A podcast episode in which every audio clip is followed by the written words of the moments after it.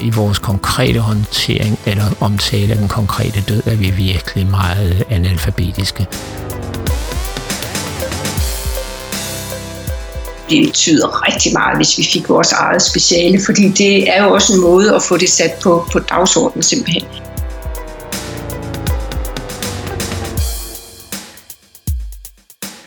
Rigtig hjertelig velkommen til Stetoskopet.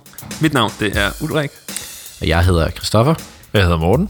Og vi tre, øh, vi skal have jer med på lidt af en rejse i dag. Men først, så vil jeg lige sige til dig, Christoffer, velkommen tilbage. Mange, mange tak.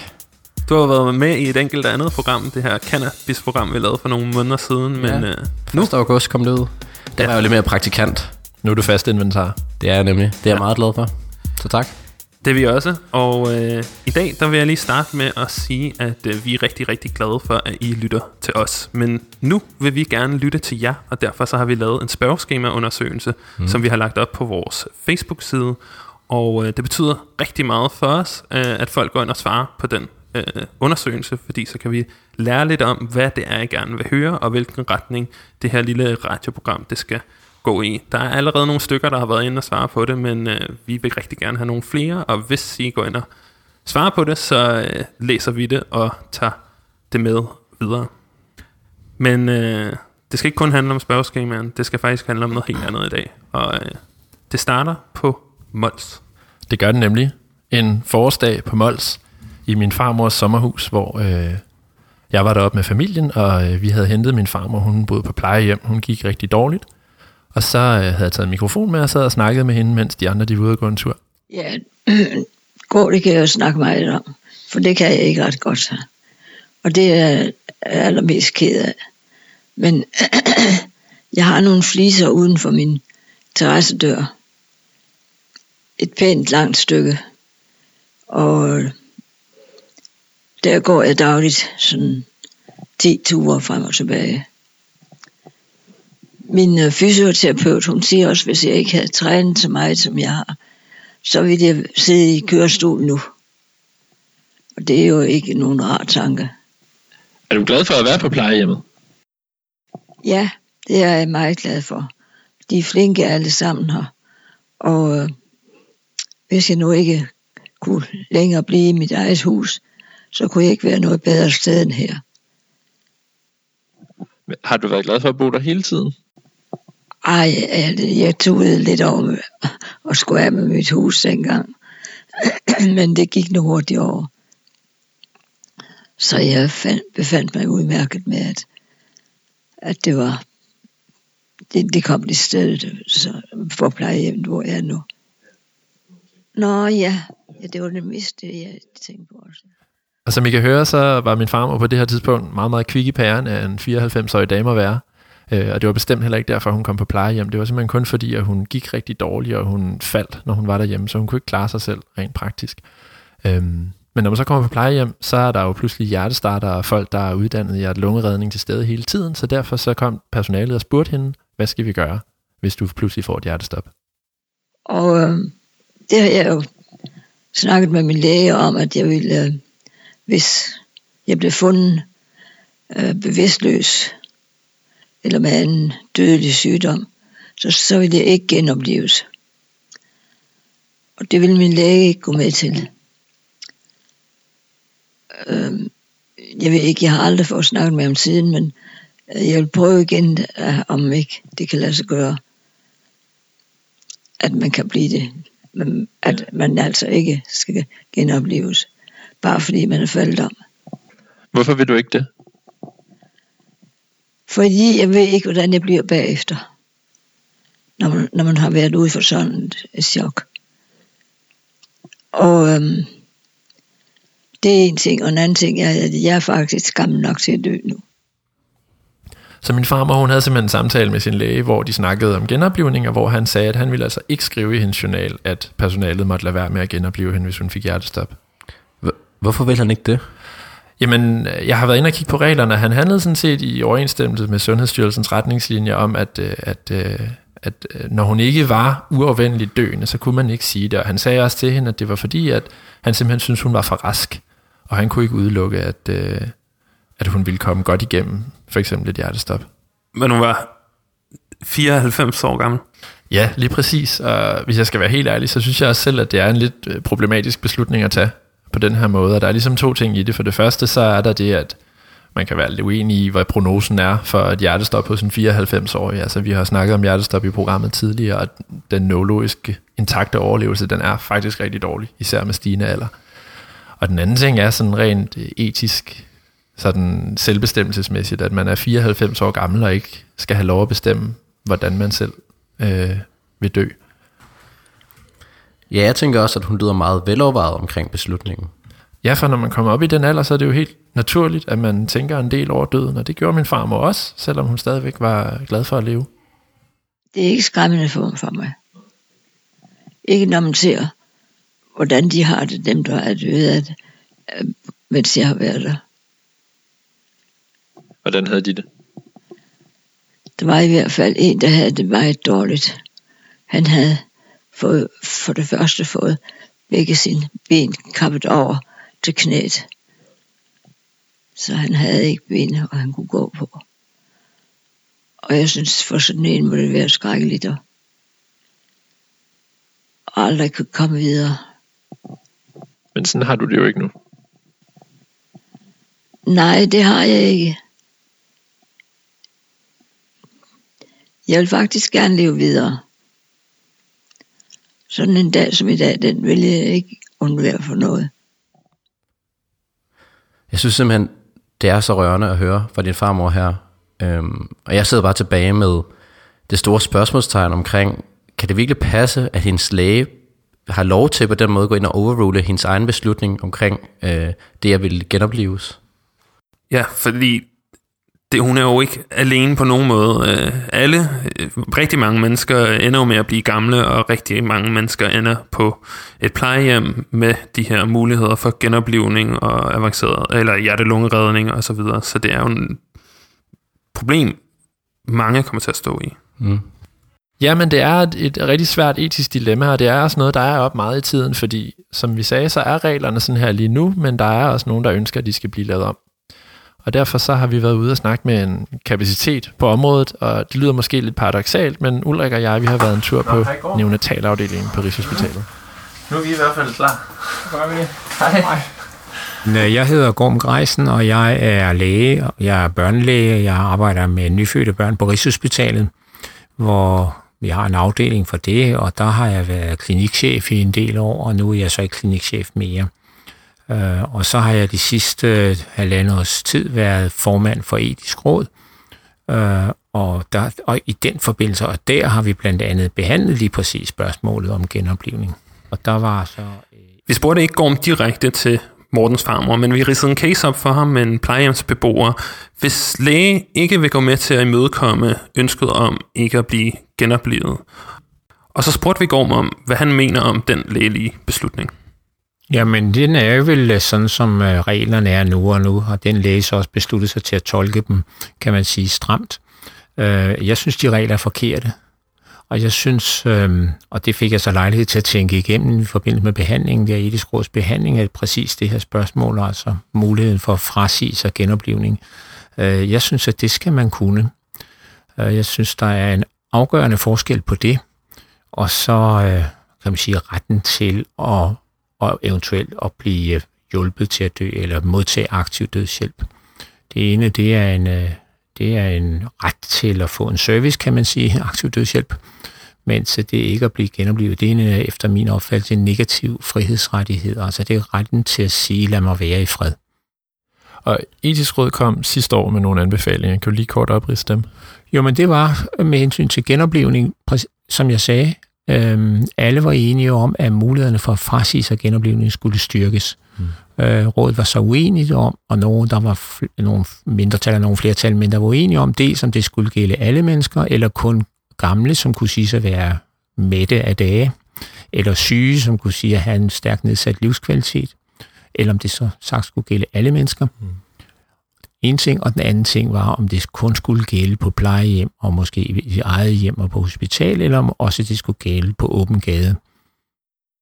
Øhm, nå, men som du selv siger, så ham lægen her, han har jo fuldt Sundhedsstyrelsens øh, vejledning på området, som jo netop siger, at jeg har fundet, øh, jeg har fundet nogle forskellige citater. Så Sundhedsstyrelsen har simpelthen lavet sådan en helt sådan, sat op i paragrafer, vejledning til sundhedspersonale, hvad de må og ikke må øh, med genoplevning. Øh, og de har blandt andet skrevet, en borger kan ikke udøve sin selvbestemmelsesret ved på forhånd og for en i fremtiden tænkt situation at fravælge en bestemt behandling, med mindre der er tale om et livstestamente. Og de her livstestamenter, det handler om indlæggelse og sådan, altså intensiv behandling og sådan nogle ting. Det handler ikke om hjertestop.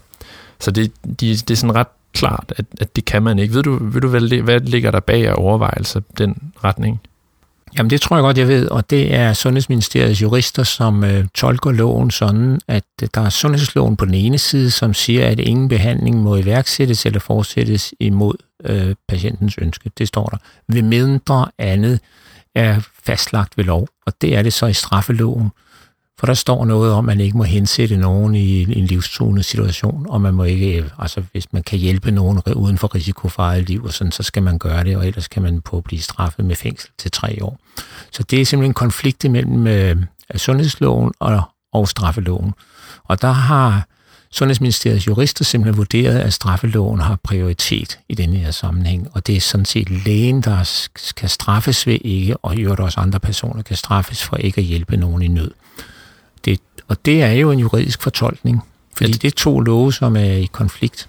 Det lyder som nogle meget teknisk-juridiske argumenter for noget, som burde være mere etisk begrundet umiddelbart. Jo, det kan du sige, men, men love udtrykker jo tit, øh, hvad man synes er rigtigt og forkert. Og på den måde kan du sige, at love det er sådan en nedskreven etik. Og, ja. og så har vi så den brug af, af, af etikken, at vi siger, at det er det, der så beskæftiger sig med noget, der ikke er reguleret ved lov. Men altså, mm. det synes jeg personligt er en lidt uh, kunstig skældende. Ikke? Altså, lovgiver, lovgiver må jo formodes at lovgive ud fra en betra- nogle betragtninger om, hvad der er rigtigt og forkert. Mm. Øh, et andet sted i de her vejledninger, der står der, at hvis der eksempelvis er tale om en habil ældre borger på et plejecenter med videre med tydelig fremadskridende fysisk sygdom eller svækkelse, vil der være tale om en aktuel situation. Og så kan man faktisk tale om at sige, at så må man gerne, øh, gerne sige nej til genoplevning. Og det lyder på mig lidt som sådan en åbning for, at en læge kan sige, jamen den her alderdomsbetingede svækkelse, den er faktisk så fremskrevet nu, at vi kan godt sige, at du må gerne sige nej til genoplevning selvom du ikke har nogen konkret sygdom. Jamen, og det er jo præcis, fordi der er den der konflikt mellem de to stærke love, og så er der så en juridisk praksis, eller i hvert fald en fortolkning til videre en fortolkning. Juridisk praksis er der først, når der foreligger nogle dom, doms, mm-hmm. øh, altså nogle, nogle domme. Men øh, så er der i, før, før domme, eller måske er der også nogle beslægtede domme, som alt i alt gør, at juristernes vurdering af det ligger sådan. Ikke? Mm. Og der er det jo en forvaltning af, af kan man sige, et etisk dilemma, som i den ene ende øh, kan du sige, øh, det var i hvert fald en, et eksempel, som gik op for mig forleden dag, at øh, hvis man har en, en, en ung pige, som prøver at hoppe ud af vinduet, øh, skal man så stoppe den, eller, skal man, eller må man sige, det har hun jo besluttet sig til at gøre, så det skal jeg sådan set ikke blande mig i. Og der tænker jeg selv, at det, øh, det, det, der skal man vel prøve at hjælpe eller stoppe, også fordi man jo ved, at sandsynligheden er, at hun vil blive rigtig glad for at blive stoppet. Ikke?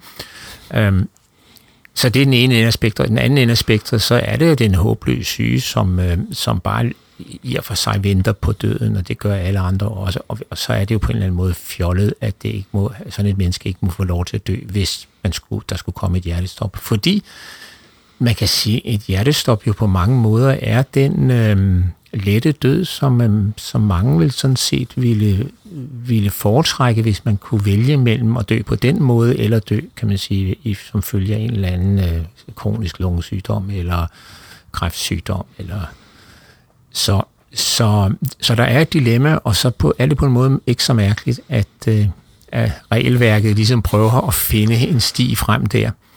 Men jeg kan da også fortælle, at jeg ved, at øh, man i Folketinget diskuterer det rigtig meget, og, og, i, øhm, og i ministeriet faktisk arbejder på nogle konkrete øh, nye adresseringer af det, blandt andet med, så vidt jeg har forstået, en, en udvidelse af livstestamentet, som nogen taler om ikke skal være et livstestamente, men et behandlingstestamente. Mm-hmm. Til at omfatte genoplevning. Blandt andet. Vi har lige læst i udskriftet, der er der en kronik af Hans Jørgen Vognsen, som, som skriver om, om det her øh, spørgsmål, og netop skriver om etisk råds anbefalinger, og han kalder dem utilstrækkelige. Øh, og han siger, at altså kort sagt, så det han argumenterer for, det er en form for opt-in-løsning i stedet, altså specifikt på plejehjem, at standarden skal være, at man ikke genoplever på plejehjem, skriver han, fordi at alle andre modeller vil være for forvirrende og skabe for mange konflikter for personalet, at var man nu helt sikker på, altså når man står i en akut situation, er man nu helt sikker på, at det er rigtigt, at vi ikke skal genopleve her, og derfor så er det bedre, at man siger, at standarden er, at man ikke gør det. Hvad synes du om det? Ja, men det er bestemt et synspunkt. Vi har lige afgivet svar om noget helt andet, øh, nemlig om formodet samtykke til organdonation, hvor sundhedsministeren spurgte, om vi kunne få vores vurdering. Og øhm, det er lidt samme situation, ikke? Altså, der er mange, der ikke får taget stilling, og hvad skal vi så mene om dem, og hvad synes vi sådan ligesom er standarden, ikke? Og, og der kan jeg da sige, at jeg og jo et flertal af rådet var på, at, øh, at man skal sige, man bliver nødt til, hvis det skal være en donation, så bliver man nødt til at have et eksplicit mm. øh, ønske, altså det skal være, en, at man vælger at være donor, det skal ikke være, at man fravælger at være donor. Øh, så det her er jo spørgsmålet, hvad er det, man synes, der skal være det normale? Og hvis jeg sådan lige fra hoften skal trække et argument for, at det måske er for, er for vidt, så er det jo at sige, at per definition, om jeg så må sige, når man kommer på plejehjem, så er livet ikke længere ved at leve. Og det er måske lige det stærkeste. Der ligger et vist signal i, Ja, at sige, og her det, genoplever vi som udgangspunkt ikke. nej, ja, Ja. altså det er dødens foregår, og jo hurtigere det går, jo bedre. Og, og hvis man får sagt det alt for tydeligt, så bliver, kan det jo blive kulturdannende omkring plejehjem, og hvad, hvad er forventningerne både for borgerne, men også for personalet. Og, og det tror jeg personligt at være mit forslag, og jeg kommer frem med et forslag lidt for sjov og lidt i alvor for nogle år siden, hvor jeg sagde, at alle sådan set skulle have et tilbud, et brev fra deres praktiserende læge, når de fyldte 65, hvor man sagde, nu fylder du 65, og jeg er jo din læge, og har du lyst til at komme, så vi kan snakke om, hvordan du kunne tænke dig at dø. Hmm. Og, og det var for jo at tage hul på det der spørgsmål på et tidspunkt, hvor det ikke er alt for konkret, og hvor man sandsynligvis er ved sine fulde fem. Og hvor man på den anden side er blevet så gammel, at man jo ikke længere tænker, at man er udødelig, og på den tredje har haft noget erfaring med døden. De fleste mennesker har jo så haft forældre, der er døde, og måske også andre familiemedlemmer, og måske endda venner. Og derfor kan man have nogle gode billeder og nogle dårlige billeder på, hvordan døden kan være. Kan man ikke også frygte, at det, at det meget hurtigt kommer over i noget, hvor man sådan tvinger alle til hele tiden at tænke på døden, eller ikke hele tiden, men at, man, at det bliver sådan systematiseret. Altså faktisk så i Sundhedsstyrelsen retningslinjer, som vi lige vender tilbage til, der står der på et, et sted, at der må eksempelvis ikke etableres en procedure, hvor der ved alle indflytninger på et plejecenter automatisk anmodes som lægelig vurdering. At det skal være, det skal være plejepersonalets skøn at sige, når for. Ja. den her borger, der anmoder vi. Jo, men det er klart igen et dilemma, ikke? Fordi på den ene side er der ingen tvivl om, det kan virke totalt intruderende og, og, og upassende. Og jeg var selv inviteret til Aarhus øh, af Klinisk Etisk Komité derovre, for de synes, at, øh, at de synes, at de var kommet i en situation, hvor de følte sig forpligtet til at informere omkring det med genoplevning. Det var så specielt den situation, hvor det lægelige vurdering er, at man ikke ville foretage en genoplevning. Mm. Og det må man jo ikke bare beslutte uden at informere patienten. Og de synes på en eller anden måde, i mange situationer i mennesker i svær terminal sygdom, at det var en underlig måde at sparke til nogen, der lå, der ligger ned. Mm. Og den kom, fordi der er vejledningen jo blevet meget klar. Og så det er et dilemma. Øh, og personligt er min mening, at, vores øh, samfund er blevet så dødsfornægtende. Altså samtidig med, at der bliver set uendelig mange kriminalfilm, som hvor der bliver skudt uendelig mange mennesker for åben tæppe, så i vores konkrete håndtering eller omtale af den konkrete død, er vi virkelig meget øh, analfabetiske. Og, og det er et dybt kulturelt problem. Det var også derfor, jeg foreslog det med, at man skulle have en rutinmæssig samtale, når man bliver 65, for det skal ligesom ind på lystånd På en, en, en, og det, der mener jeg sådan set, den praktiserende læge er, øh, jeg kender nogen, og de kunne ikke forestille sig det der job, men, men jeg, det, det synes jeg sådan set, at det er det, de skal kunne tale øh, rationelt og fornuftigt og baseret på den enkeltes øh, sundhedsprofil på, jamen, hvordan kunne man forestille, realistisk forestille sig det ved ende, og, og hvilke valg vil der blive, og, og, og, og hvad har du lyst til? Og du skal jo ikke beslutte dig nu, men øh, problemet er der, og, og jo mere du selv bestemmer, jo større er sandsynligheden for, at det bliver sådan, som du gerne vil have. Det lyder som om, det kan blive. Men for Gorm, der handler det her ikke kun om ældre mennesker, eller folk på plejehjem, eller bestemte grupper. I virkeligheden, så synes han, at det her det er en universel ret, som alle mennesker skal have, uanset alder. Ja, det synes jeg. Altså, hele rådet var enige om, at uh, muligheden for at frasige sig genoplevning skulle styrkes. Um, der var så nogle nuancer, uh, hvor vi blandt andet diskuterede, om det skulle gælde alle mennesker, og der var vi så et mindretal, som mente, ja, det skulle gælde alle mennesker, også unge mennesker på 18 år. Selvfølgelig ikke børn, og selvfølgelig ikke mennesker, der er sindssyge, men alle, der må, af lægen vurderes til at være kompetente, altså at kunne, at kunne tage vare på sig selv. Øhm, og det er klart, mens, mens flertallet synes, at det skulle kun gælde nogen, som i en eller anden objektiv forstand kunne siges at have et begrænset liv tilbage, hmm. enten på grund af alderdom eller på grund af sygdom. Den anden ting, der vi vil vente, det var selvfølgelig, hvor denne her øh, negative frihedsret, altså lad mig være i fred, hvor den skulle gælde. Og der var så øh, igen et mindretal, som mente, den skulle gælde overalt, hvis det teknisk kan lade sig gøre. Mens andre sagde, nej, den skal kun gælde i lukket rum. Det kan være på et plejehjem, det kan være på et hospital, eller det kan være i eget hjem. Altså et sted, hvor man kan forvente, at, at dem, der måtte opleve, at, at man faldt om med et hjertestop, at de måtte vide, hvem man var, og kunne, kan sige, have en forpligtelse til at kende ens ønsker. Lige tilbage til det, du sagde her med, med hvis man så, hvis jeg skulle, da jeg blev 18, tænkte, hvis jeg bliver alvorligt syg, så gider jeg ikke have særlig meget behandling, og hvis jeg falder om, så vil jeg bare have lov at dø, og så skrev jeg under på det, og så faldt jeg om 30 år senere. Vil du mene, at, at så skulle man som læge bare øh, følge den, det ønske? Nej, men du er, det er jo dilemmaet, kan man sige, ikke? Og, og det er jo klart, at hvis man skal have den mulighed, så skal man bestemt også have muligheden at lave det om. Det skal ikke være for bordet fanger, du har meldt dig ud. Øh, og det er jo også klart, at det på en eller anden måde måske skal være sådan, at det ligesom popper op en gang imellem. Altså mm. for eksempel, når man går til lægen, eller man kunne få en reminder en gang imellem, og tænker du stadigvæk sådan. Og, og der er, det var i hvert fald det, jeg selv tænkte, da jeg øh, stemte for det synspunkt, at øh, det med at frasige sig genoplevning skulle gælde alle mennesker, og det skulle gælde i alle situationer. Det er klart, det, det stiller nogle krav til tekniske løsninger. Men altså, øh, vi kan meget, og vi vil kunne mere i løbet af kort tid. Ikke? Så, og, det kunne, og det kan. Nu skal man jo kunne stå inden for sine egne synspunkter, og døden er noget, der kommer til at berøre os alle. Så vi spurgte os Gorm, som jo er en frisk ung mand på 66 og lever i bedste velgående, om han øh, selv havde gjort sig nogle tanker. Ja, altså jeg har udfyldt et livstestament, og vi snakker med min kone om det, ikke? og vi har, jeg har en stor familie, og vi har jo haft en del dødsfald i familien, og, og gennemgående vil jeg sige, at det er gået rigtig udmærket for sig, men der er jo også nogle skrækscenarier, ikke? Øhm, og øhm, med hensyn til genoplevning, nej, det tror jeg ikke er kommet der til at sige, det vil jeg ikke, men, øh, men jeg har da set statistikkerne, ikke? Og, og der er jo sådan en 10% risiko for, at man lever videre i, i noget forkommen tilstand, måske 20, ikke? Noget forkommen tilstand. Øh, Øh, og jeg er 66, og, og har børn og børnebørn, og arbejder stadigvæk, jeg sådan set i meget god stand, men, men altså kan jo meget tydeligt se, øh, at der det kan blive en lang mavelanding også, ikke? Øh, og så. Det var ordene fra Gorm om et emne, som er i konstant udvikling, og hvor lovgivningen åbner op for en del fortolkelse, så man kan håbe på noget mere konkret, men i sidste ende, så er det jo et etisk dilemma, så man får aldrig nok et klokkeklart svar på det her problem. Nej. Men inden vi går videre til det næste emne, så tænker jeg på, Morten, om du måske lige fortæller om, hvad der skete med øh, din farmor efterfølgende. Jamen det vil jeg gerne, for min farmor, hun er desværre ikke i live i dag. Hun øh, døde for cirka to måneder siden. Øhm, men heldigvis kan man sige, så nåede øh, den her beslutning om ikke at genopleve hende, det nåede at blive ændret, så, så der endte med at stå i hendes journal, at hun ikke skulle på intensivafdelinger, hun ikke skulle øh, have hjerte-lungeredning og sådan nogle ting, og hun fik lov at sove stille ind på sit plejehjem. Øhm, og det er jo heldigvis ofte sådan, det går i virkeligheden, og det er jo altid rart. Ja, helt bestemt. Og øh, jeg vil bare sige, øh, sige tak til både dig og tak til din farmor, for at hun ville dele historien med os. Det synes jeg er meget specielt at få et indblik i.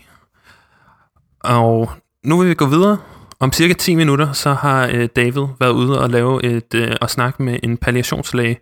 Men inden da, der tænker jeg, at vi alle sammen har behov for et øh, lille pusterum, og derfor så vil jeg give bolden videre til øh, Christoffer. Ja, øh, netop noget helt andet. Vi øh, skal til at indføre et nyt tilbagevendende segment, øhm, som skal handle om anmeldelse af kantiner. Så her kommer vores nyeste indslag. Uden mad og drikke, du er alene ikke. Jeg tænkte, at den gamle konjak fra 1815 året for Waterloo ville passe i dagens anledning. Ja, velkommen til vores nye segment øh, med den noget så mundrette titel Ud med at drikke, du er alene ikke. I dag øh, er det os to, der er, øh, har været i felten. Dig, Ulrik, Ja. og, øh, og mig. Øh, på to forskellige øh, hospitaler, hvor vi har undersøgt kantinen. Øh, kan du ikke lige fortælle om, hvad det her program egentlig skal gå ud på? Jo, det, øh, det tager jo udgangspunkt i, at øh, vi har været inde på intranettet og kigget lidt på tallene. Og det viser sig, at det absolut vigtigste emne for sundhedspersonalet ude på de danske hospitaler, det er frokostmenuen. Frokostmenuen, den ligger nummer et hver eneste gang. Så derfor så bliver vi jo nødt til at tage ud og kigge lidt nærmere på den her meget vigtige sundhedsfaglige sag. For nogle er det jo det faglige, for andre der er det det geografiske, der tæller. Men øh, Christoffer, du har været ude og kigge på, om man skal tage til provinsen, bare for det kulinariske. Ja, jeg har været i provinsens Paris. Ja, jeg står her i Slagelse Kantine øh, sammen med en god kammerat, Niels Frederik, som har været så heldig at komme i klinikophold på 8. semester sammen med mig. Så øh, velkommen til. Mange tak. Vi skal jo snakke lidt om Slagelse Kantine i dag. Jeg tænker, at vi starter lidt med, øh, nu er vi først lige kommet, vi har ikke hentet mad endnu, men øh, om indretningen herinde. Hvad, hvad synes du egentlig om det? Jamen, øh, jeg synes, at det er et, øh, et godt rum, der er højt til loftet, og store vinduer, så der kommer meget lys ind. Der er sådan nogle kakler på væggen, så man får lidt en idé om en svømmehal måske. Ja, sandt. Det kunne det nemt have været. Og øh, der er sådan, der er sat nogle borde op, og så er der ligesom sådan en tag selv i midten, og der er masser af mennesker, der er både personale, og øh, så er der også øh, folk i øh, civilt. Hvad synes du egentlig om, at de har lavet sådan en fælles kantine her? Jamen, øh, jeg synes egentlig, at det er meget passende. Altså, det er også øh, forskellige faggrupper, der sidder lidt tilfældigt ved bordene, og det skaber egentlig et godt rum. Hvad er på listen der? Et. Etteren, lige præcis. Hvad kan stoppe. Det er lidt et, øh, en lasagne, vi har fået. Masser af kød. Og så lidt sådan en, øh, en gang gulerodspotpourri, hvor der både er godt med gulerødder i lasagnen, og så er der simpelthen gulerodssalat med rosiner ved siden af, og der er også sørme en smule ananas i, fra dåse går ud fra, men øh, det er sådan udmærket ud. Har du smagt på det nu, Niels Frederik? Jamen, jeg har smagt på den, og den er ganske fin. Altså, det er jo en klassiker at køre sådan en øh, italiensk hofret. Jeg har lidt til vegetaren. Det er jo ikke et, et udbredt vegetarkøkken, de kører. Øhm, jeg har ikke set en varm ret uden kød nu, og jeg har ikke set et stykke smørbrød uden kød. Jeg har mærke til, at der var bacon på avocado-maden i går, men, øh, men de har den salat bare. Den er, den er faktisk udmærket. Ja. Man kan jo sige, at øh, for nogen, der vil det være en af fordelene ved at være kommet ud til provinsen. Når vi kommer til Slagelse, så er det faktisk gratis frokost for, for alle medicinstuderende. Jamen helt klart, altså der øh, lokker de jo en selekteret gruppe til, der bare er glad for gratis mad, og det, vi er mange, vi er rigtig mange, så der, øh, der er de kloge. Nu har jeg lige haft tid til at sidde og smage lidt på maden også. Øhm, jeg synes det er okay. men, Altså, det er ikke specielt krydret, og der er heller ikke så frygtelig meget salt og peber i, for den sags skyld. Øhm, men det er måske også sådan, at alle kan være med øh, på, på, på smagsløgene. Hvad tænker du om, øh, om smagen på lasagnen her? Jamen, øh, det er jo tydeligt, at de ikke udfordrer os. Og det er i og for sig også okay, synes jeg, når man øh, tænker portionen ind. Altså, der er, er der en ratio, hvor at når der bare er nok mad, så, så giver det sgu mening til sådan nogle lange vagter her. Og øh, så er der jo peber sat, man kan tage derop selv. Noget, jeg også lægger mærke til her, det er mængden af ost på toppen. Det er der ikke sparet på. Det er simpelthen øh, belagt hele vejen hen over lasagnen. Der er, ikke, der er ikke nogen huller nogen steder, hvor der mangler ost. Det synes jeg også er et, et stort plus i bogen. Og er det, er det tranebær, der også er i øh, gulerødsalaten, eller er det bare rosiner det hele? Om det er tranebær. Det er tranebær. Sådan. Ej, hej Tobias. Nu er Tobias simpelthen lige øh, kommet ind. Det er øh, også en af mine gode venner, der er hernede. Øh, og måske en af mine mere kritiske venner. Øh, noget vi ikke lige snakker om endnu, det er personalet hernede. Har du nogle ord om det måske, hvordan personalet er i kantinen?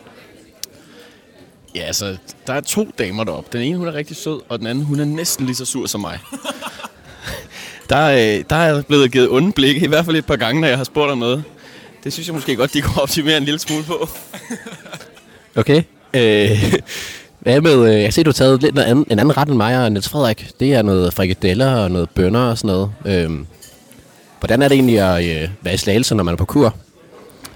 Ja, nu nævner du ordet kur. Jeg er jo... Øh, jeg har sgu blevet lidt for fed. Øh, og på den måde, der synes jeg faktisk, at slagelse er, er rigtig fint.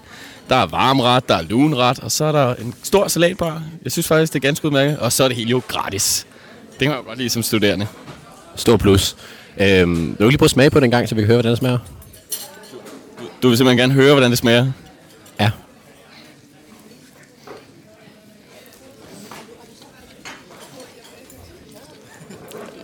Ja, bønderne kunne måske godt have fået lidt mere. Prøv lige at tage en bid af frikadellen også. Altså.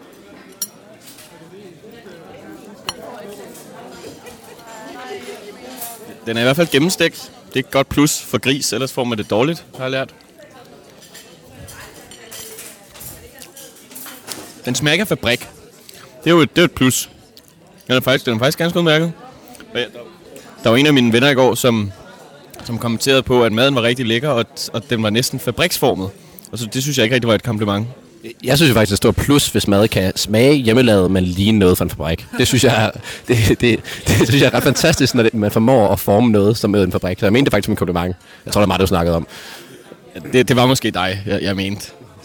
Nu, nu sagde du det bare selv. Jeg prøvede lige at holde dig i det skjulte. Ja, men øh, vi er ikke så sarte her. Men øh, jeg tror, det var alt. Øh, vi kan måske lige tage en anmeldelse sammen her. Øh, vi har aftalt at anmelde kantinen fra 0 til 6 stroskoper. Så øh, ja, hvad synes I? Hvad, hvad skal, hvad, mange stroskoper skal den have?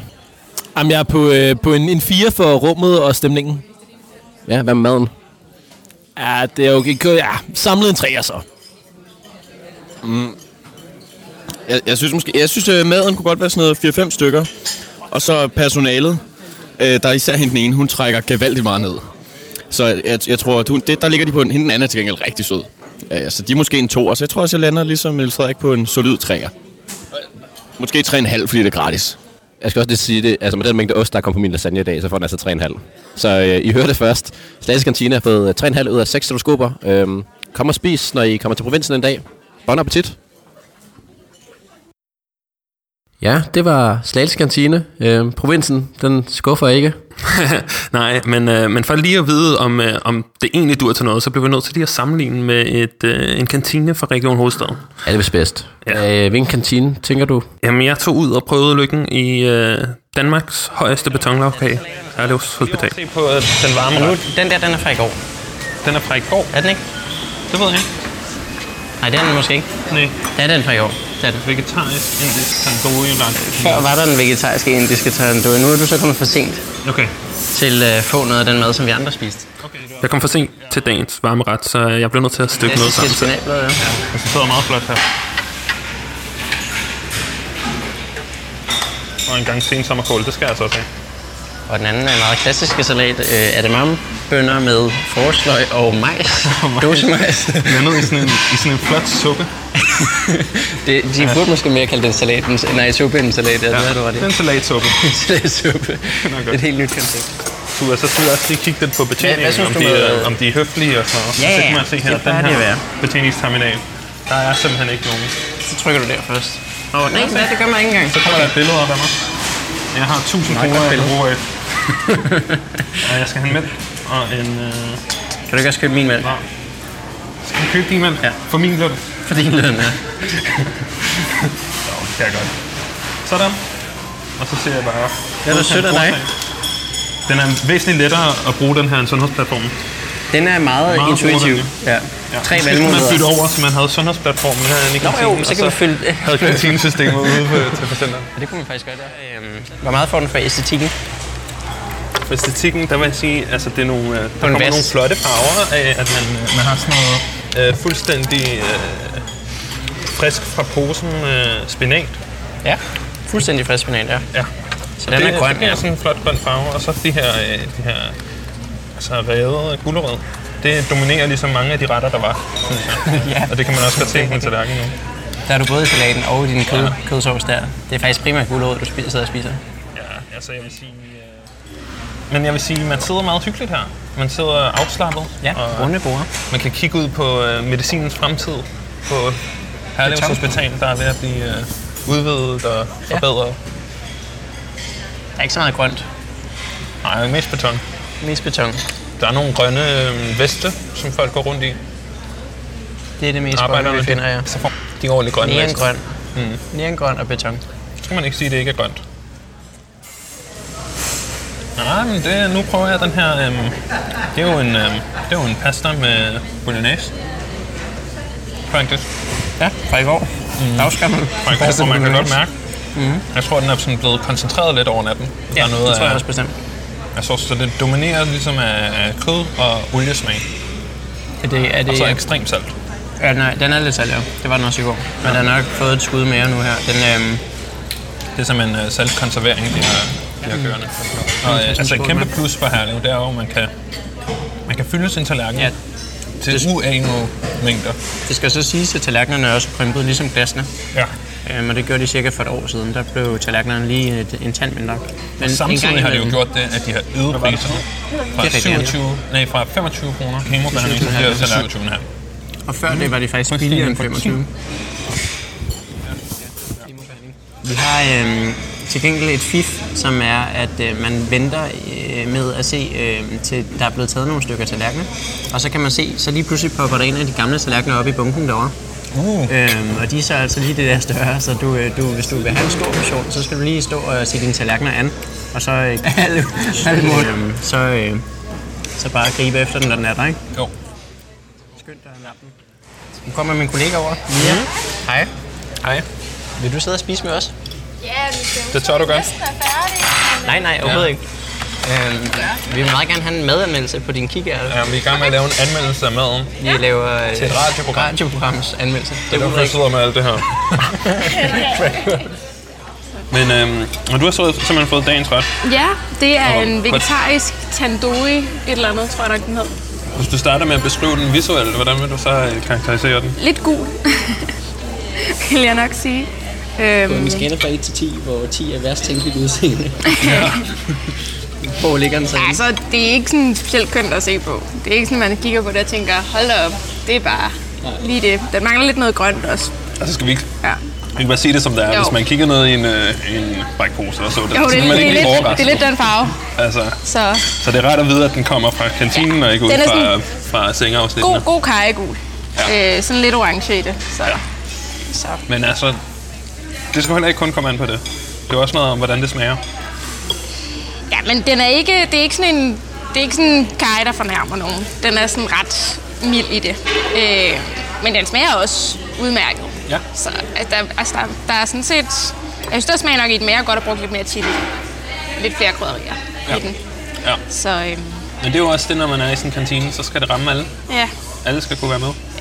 Jeg tror nu, de fleste ville have godt kunne have været med til lidt mere smag. så, øh, så jeg tror, det er sådan... Hvis det skulle være ud af 10, så tror jeg, at den får 6. For den, den smager noget, men den er altså ikke specielt imponerende. Jeg vil ikke have, jeg vil ikke have købt den Nej. til aftensmad fra et indisk sted, hvis jeg, hvis jeg Nej. kendte det i forvejen. Så ville jeg have valgt noget andet. Ja.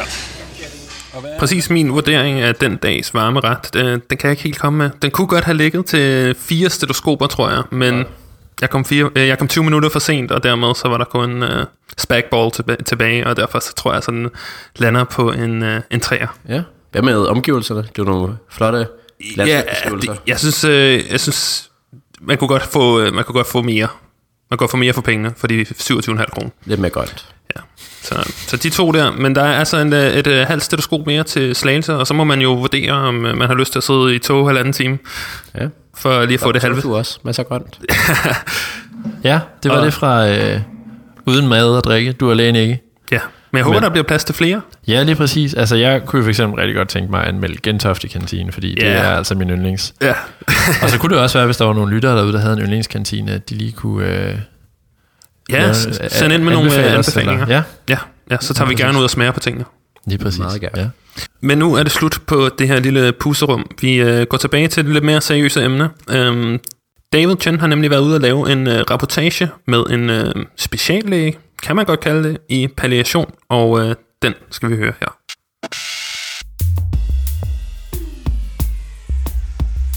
Det er ikke noget, man nødvendigvis sådan tænker meget over, og måske har man ikke engang skænket en tanke.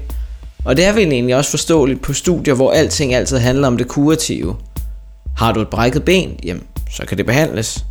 Har du udviklet gallesten, jamen, så kan det også behandles. Og selv i tilfælde af svære former for cancer, står vi også til at kunne behandle det på nuværende tidspunkt, og om ikke andet så vel i fremtiden.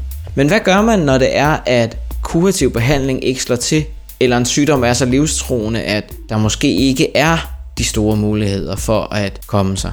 Det spørgsmål giver studiet egentlig sjældent svar på, og slet ikke som tingene er indrettet lige nu. Men hvis man spurgte en palliativ behandler, hvordan vi kunne gøre det bedre, så kunne vi starte med at følge deres hverdag, og måske stille dem et spørgsmål eller to.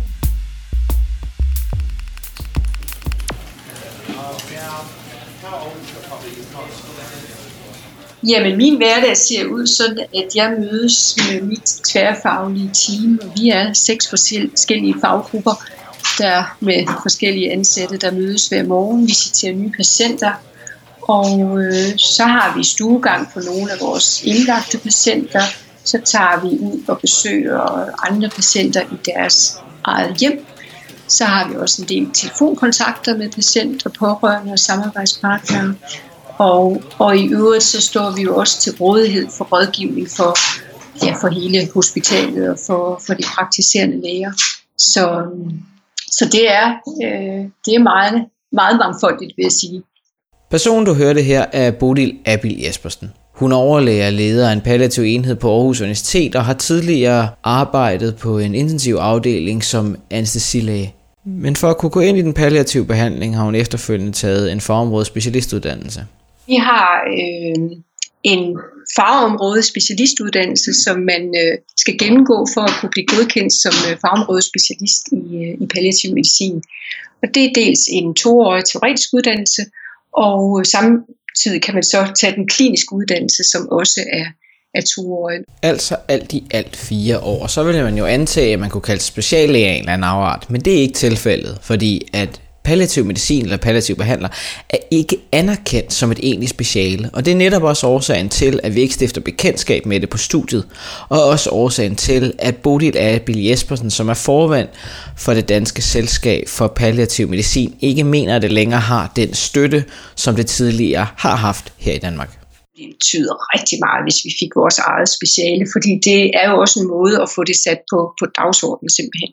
Og hvis vi tager den prægraduelle uddannelse på universiteterne, jamen den er jo bygget op omkring specialerne, og det betyder, at vi kan ikke rigtig få en fod inden for, for døren, fordi det sidder specialerne på, og de hver især giver jo ikke sådan lige noget fra sig.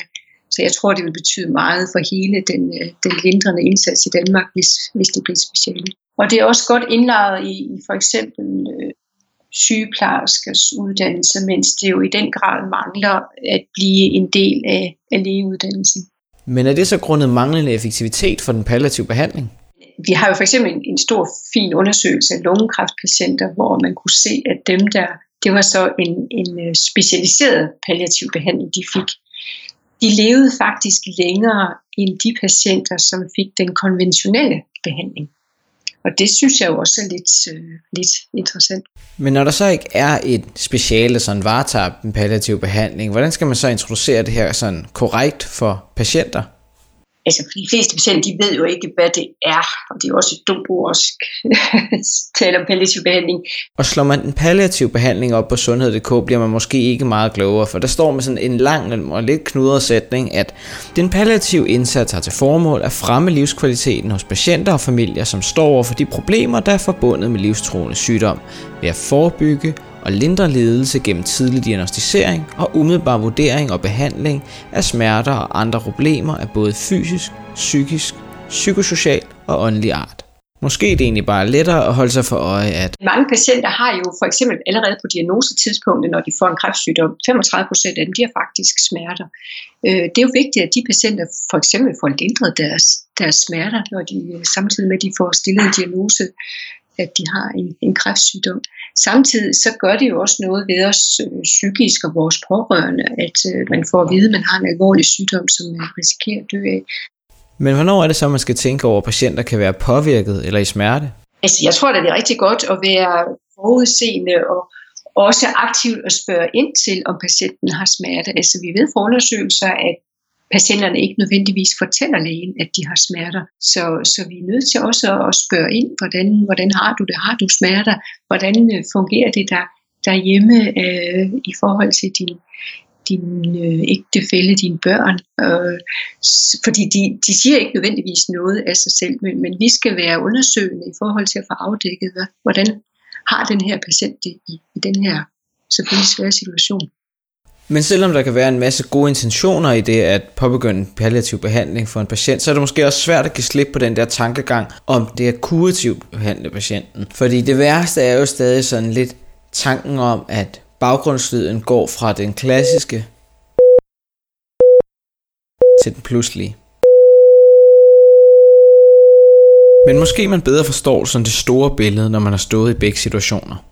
jeg har i hvert fald stået på en intensiv afdeling og se patienter dø, hvor jeg har tænkt, de skulle slet ikke have været på den her intensivafdeling. De skulle have været derhjemme, eller de skulle have været nede på sengeafdelingen, stille og roligt med familien omkring sig. Og selvfølgelig dør der patienter på en intensiv afdeling, hvor man har sat alle sejl ind og gjort alt, og, og sådan skulle det være. Men der er også kronisk syge patienter, som ender på en intensiv afdeling, som måske slet ikke skulle have været der. Det var i hvert fald det, der fik mig til at skifte. Men kunne man ikke tænke, at patienterne jo altid ønsker fortsat behandling? Det kan man jo ikke fortænke patienter i at, at ønske mere behandling, og det er jo også meget ofte mere behandling, der bliver efterspurgt end, end fravalg af behandling.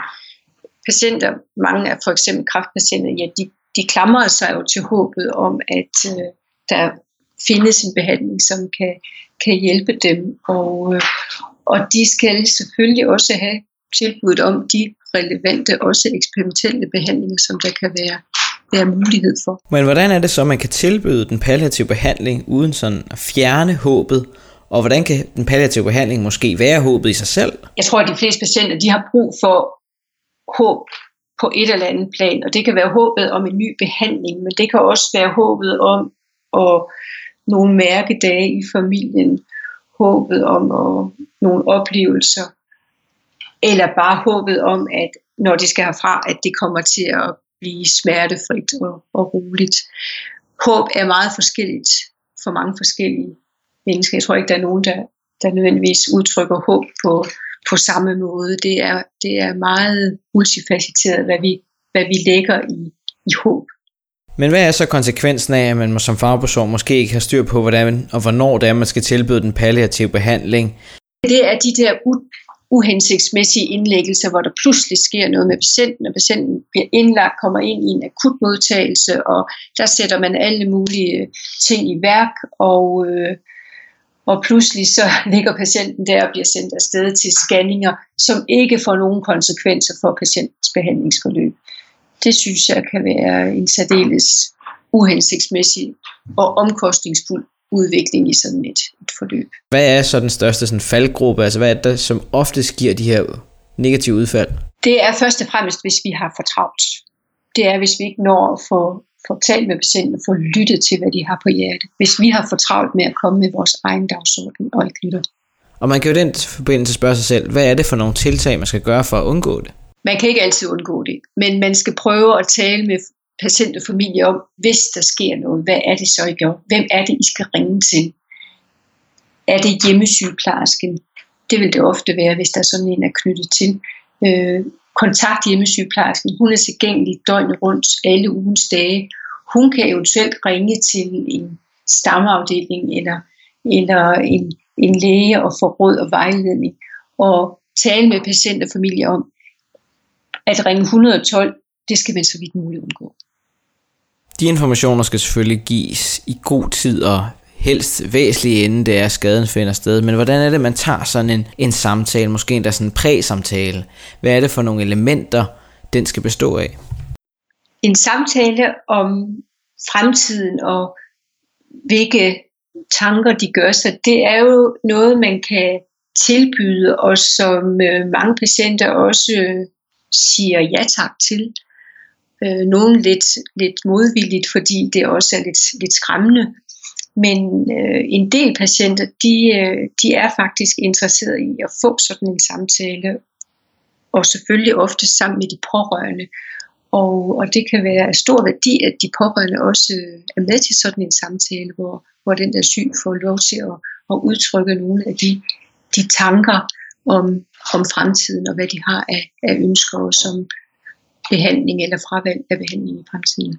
Så helt konkret? Jeg vil tale med patienten om, at nu har de en sygdom, en diagnose, og, og der kan være ting, der øh, kommer til at, at genere i forbindelse med den, øh, den sygdom, og, og det vil vi gerne hjælpe patienten med, og der kan være brug for nogle forskellige øh, fagpersoner for at, at hjælpe, og, og det vil man, man tilbyde.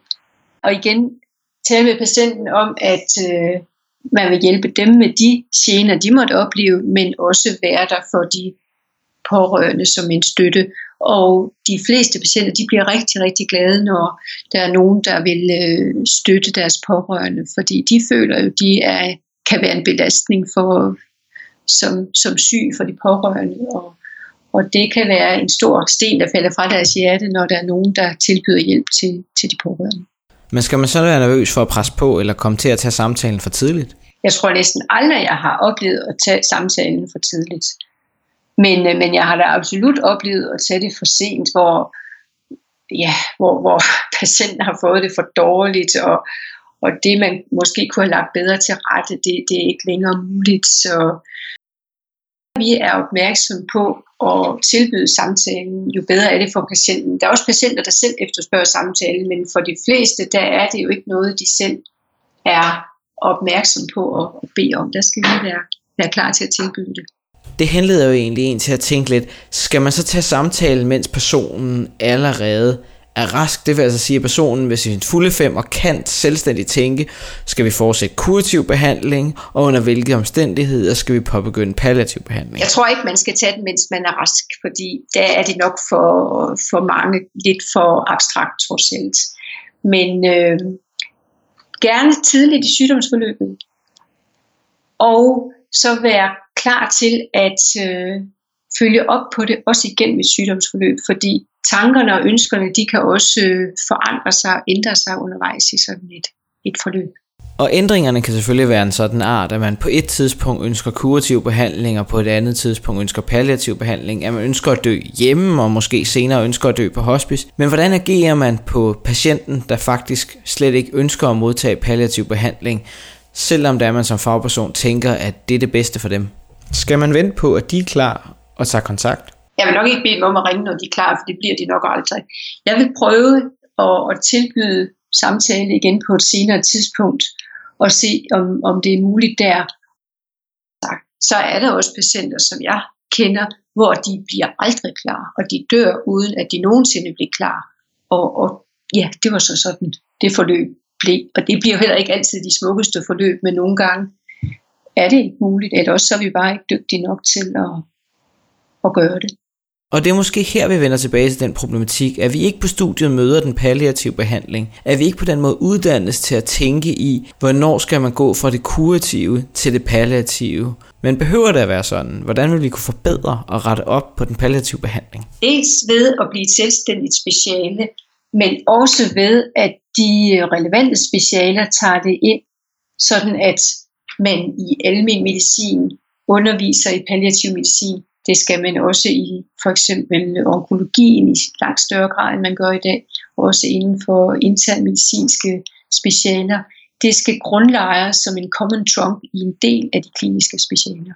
Og med det i mente, så lad take home message være. Så vidt jeg ved, så er mortaliteten stadigvæk 100%. Altså vi har endnu ikke set dem, der er blevet født og ikke på et tidspunkt er afgået ved døden.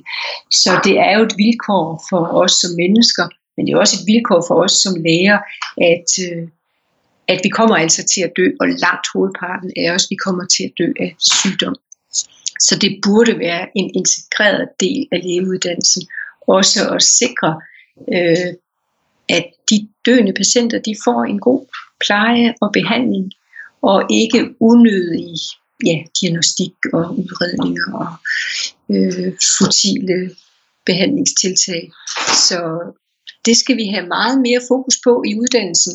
Og så skal vi ikke se det som et nederlag, men tværtimod se det som en succes, når en patient får en, en rolig og fredfyldt død, som patienten havde ønsket det.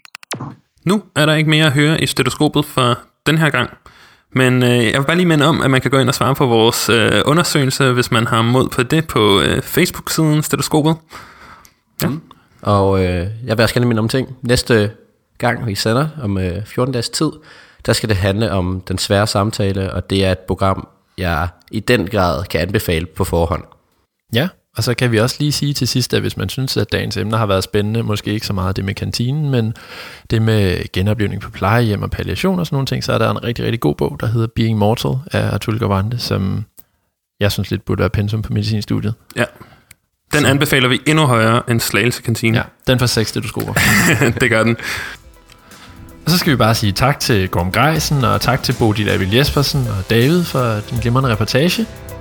Ja, og også tak til Niels Frederik og Tobias fra Slagelse. Ja, og så Ture og Mia, som var med i kantinen på Herlev. Og så selvfølgelig tak til jer derude, der lytter med.